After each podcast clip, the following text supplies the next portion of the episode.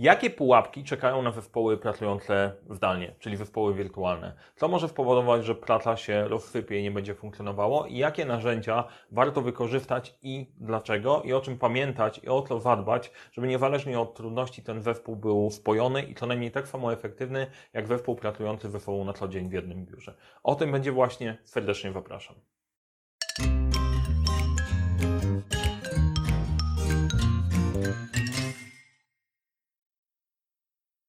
Cześć, nazywam się Mariusz Kapufta. Szkole z zarządzania projektami wdrażam podejście projektowe dopasowane do firm i dobieram narzędzia, żeby to wszystko ze sobą działało. A na tym kanale dzielę się z Wami wiedzą, która wynika z praktyki. Jeżeli zainteresowany jesteś tematem zarządzania projektami, zasubskrybuj ten kanał.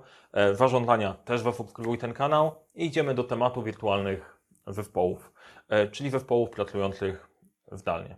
E, dlaczego wyciągam to, tą nazwę zespoły wirtualne? Ponieważ to jest dla wielu z nas E, albo tak mi się wydaje. E, sporo osób, e, ok, praca zdalna, jak to działa, jak to w ogóle funkcjonuje, to jest nowość, przynajmniej na tą skalę. Natomiast pomysł zespołów wirtualnych i tego sposobu pracy istnieje od bardzo, bardzo dawna, więc jeżeli szukasz czegoś w literaturze, będziesz przeszukiwać w internecie, to zespoły wirtualne jest istniejącym, istniejącym określeniem. E, to, co charakteryzuje zespoły wirtualne od zwykłych zespołów, jest brak jednej lokalizacji, ponieważ jako e, ludzie tradycyjnie po prostu środki komunikacji kiedyś nie były aż tak fajne, jak są teraz. Trzeba było siedzieć w jednym miejscu, żeby to ogarnąć. E, chociaż jak pomyślimy, to Rzymianie zażądali całym imperium tak na, dużą, e, na dużą skalę, nie siedząc w jednym miejscu, więc też mieli to w miarę, w miarę rozkminione. Natomiast tak, jeżeli masz zespół, który nie ma jednej lokalizacji, to pracujesz z tak zwanym zespołem wirtualnym. Jestem bardzo ciekaw, kto z Was w ten sposób pracuje. Dla kogo z Was to jest nowość, dla kogo z Was to jest OK, robimy dokładnie to samo, a dla kogo to samo, co robiliśmy, tylko na większą, e, na większą skalę, bo to też ma znaczenie. E, e, dla osób, dla których to jest totalna nowość, tego wyzwania będzie więcej. Dla osób, które już pracowały w pewien sposób, ale krótkotrwale, to część z tych, tych problemów będzie nowa. Część z Was, którzy pracują z dłuższej perspektywy, może dowiedzą się kilka, kilku ciekawych elementów, na co zwrócić uwagę w pole wirtualnym, jeżeli nie wszystko idzie tak, jakbyście chcieli.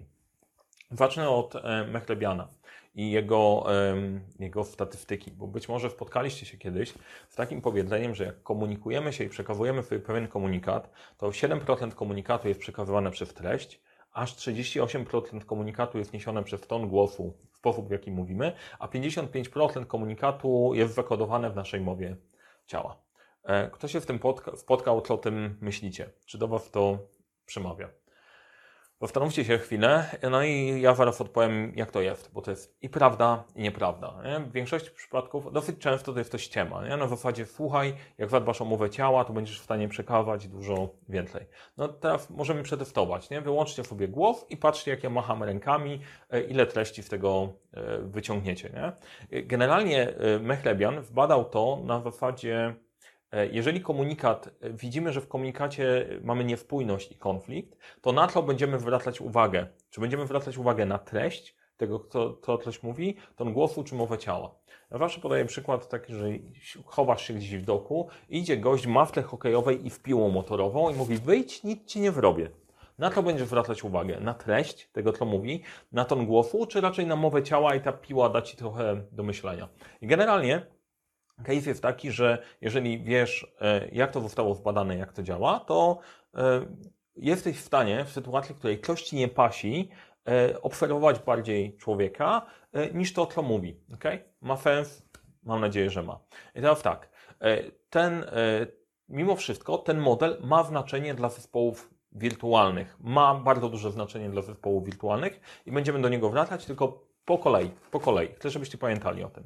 E, rozwiązanie na wyciągnięcie ręki dla wszystkich zespołów wirtualnych, które warto e, rozważyć na początku, nawet rozważyć, e, absolutnie wdrożyć, pomimo, nawet pomimo jakichkolwiek oporów, to są wideokonferencje. Wideokonferencje. Nie telekonferencje i praca na telefonie, tylko właśnie wideokonferencje. Dlaczego? No właśnie dla tego, ze względu na wzór Mechlebiana, dojdziemy. Największe wyzwanie, największe wyzwanie w zespołach wirtualnych, i to po prostu w osób, które badały tego typu podejście, jakie jest? Czy to jest to, że dzieci ci przeszkadzają i krzyczą, czy pies biega, czy dzieje się cokolwiek innego, czy to, że nie możemy się połączyć, bo rwie się net, E, jakie są największe wyzwania w pracy, e, w pracy wirtualnej? To też napiszcie w komentarzach. Też jestem bardzo, bardzo, bardzo ciekaw Waszej perspektywy. Zanim posłuchacie, posłuchacie dalej. ok? To też warto, warto pomyśleć, bo teraz zaraz wdrażę niespodziankę. Zaufanie. Zespoły, skuteczne zespoły budują się wokół zaufania. Jeżeli ufasz drugiej osobie, to wiesz, że możesz spokojnie po prostu wlecić jej zadanie, wiesz, że zadanie, które ona ci wleca jest ok, e, wiesz, że się nie wychylasz, jeżeli powiesz prawdę i tak dalej. Zaufanie jest bardzo istotne w zespole. Teraz tak, jak się buduje zaufanie? E, no jeżeli widzisz, słyszysz kogoś od czasu do czasu, e, tylko na telefonie, załóżmy, że jesteś na telefonie, to wracając do Mechlebiana, jaki e, poziom sygnałów jesteś w stanie obserwować. Nie? Mniej niż połowę. E, słyszysz, co mówi, słyszysz ten głosu, ale nie widzisz reakcji. E, I jeżeli masz kontakt z człowiekiem tylko i wyłącznie przez godzinę, pół godziny, nie jesteś w stanie faktycznie stworzyć relacji, której ufasz drugiej osobie. Bo jeżeli z kimś pracujesz na co dzień, widzisz go, jak się zachowuje w biurze, nie jest w stanie udawać przed, przed tobą dosyć długo i zaczynasz poznawać człowieka. Czujesz go, nie? wiesz, jak się zachowuje, jesteś w stanie e, lepiej się dostroić komunikacyjnie, bo różnie się zachowujemy. Dla niektórych milczenie Hmm. Może oznaczać faktycznie, że się zastanawia, dla niektórych cholera po prostu chce mi zaraz przypierdzielić. To jest, e, jeżeli e, masz część mózgu zajętą cały czas próbowaniem odkodowania o to naprawdę chodzi, no to w efektywność odpowiednio nie wchodzimy. I e, zaufanie dużo łatwiej zbudować, jeżeli zaczynacie ze sobą pracować i dostarczacie sobie więcej sygnałów, na podstawie których możecie lepiej do siebie się dostroić. Okay? Ma sens? Mam nadzieję, że ma. Jeżeli pracujecie ze sobą na cloudzie i znacie się od lat, to telekonferencje rozwiązują temat, nie są potrzebne. Nawet możecie mailami e, ze sobą rozmawiać, bo też jest ok. Ale na pewno nie każdy z Was miał kiedyś sytuację, że wysłaliście maila w dobrej wierze, a dostaliście strzał z drugiej strony, bo osoba odczytała go inaczej. Dlaczego? No bo tam stosunkowo mało tej otoczki przypłynęło, nie? Maile są spoko, bo niosą ten tą część treści taką mocno merytoryczną, ale z emocjami jest różnie, dlatego ludzie wymyślili emotki, żeby dodać trochę tych elementów, których normalnie, normalnie nam brakuje, ale nie jest to całość. Więc to też taka uwaga, jak macie sytuację konfliktową, nie rozwiązujcie tego mailem, bo to nigdy dobrze nie działa. Czyli tak, zaufanie. Zaufanie e, bardziej budujemy, jeżeli widzimy się częściej, pracujemy ze sobą, więc wideokonferencje mogą być do, do, dobrym rozwiązaniem. I teraz jest trochę wafat, które warto, e, które warto się trzymać e, z punktu widzenia budowania zaufania. E, jedną z takich, które ja ukułem dla siebie, lepiej być niewdarnym niż niewpójnym. Każdemu w nas może się udać wpierdzielić coś. I jak ja sobie myślę, w moim życiu zawodowym i prywatnym wkopałem dużo rzeczy.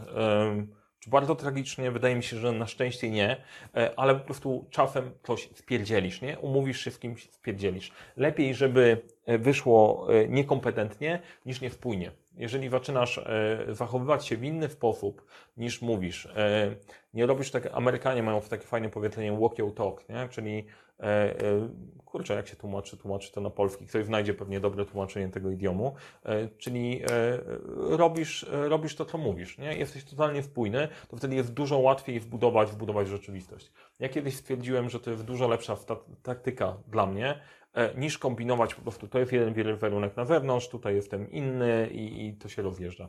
Staram się być dokładnie po prostu jeden zawsze, to trochę łat, ułatwia e, sprawę.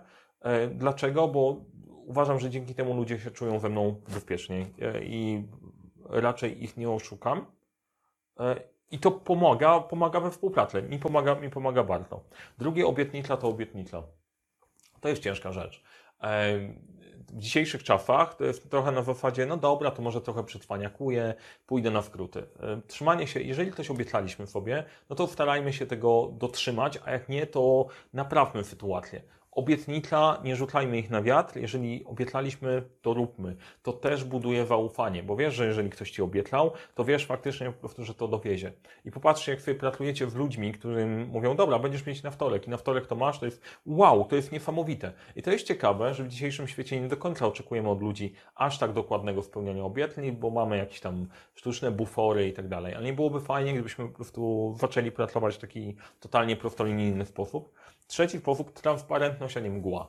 Im bardziej przejrzystą masz sytuację, co się dzieje w projekcie, co się dzieje w zespole, e, jak jest, co jest opóźnione, co jest nieopóźnione, komu pomóc, komu nie, tym jest po prostu lepiej i łatwiej. Bo jeżeli zaczynamy chować się w takich kokonach, że e, część informacji filtrujemy i nie pokazujemy, kto nad czym pracuje, co robi, kiedy i tak dalej, no to po prostu zaczyna się, zaczynają się kwasy totalnie niepotrzebne. A w zespole wirtualnym tym to jest ważniejsze, bo e, ten dystans sprawia, że nie jesteś w stanie do końca ocenić, co się do końca w zespole dzieje, co się dzieje w danym człowiekiem. I transparentność, przejrzystość e, naprawdę może pomóc i to jest dobry moment, żeby takie rzeczy w pro- w projekcie wprowadzić.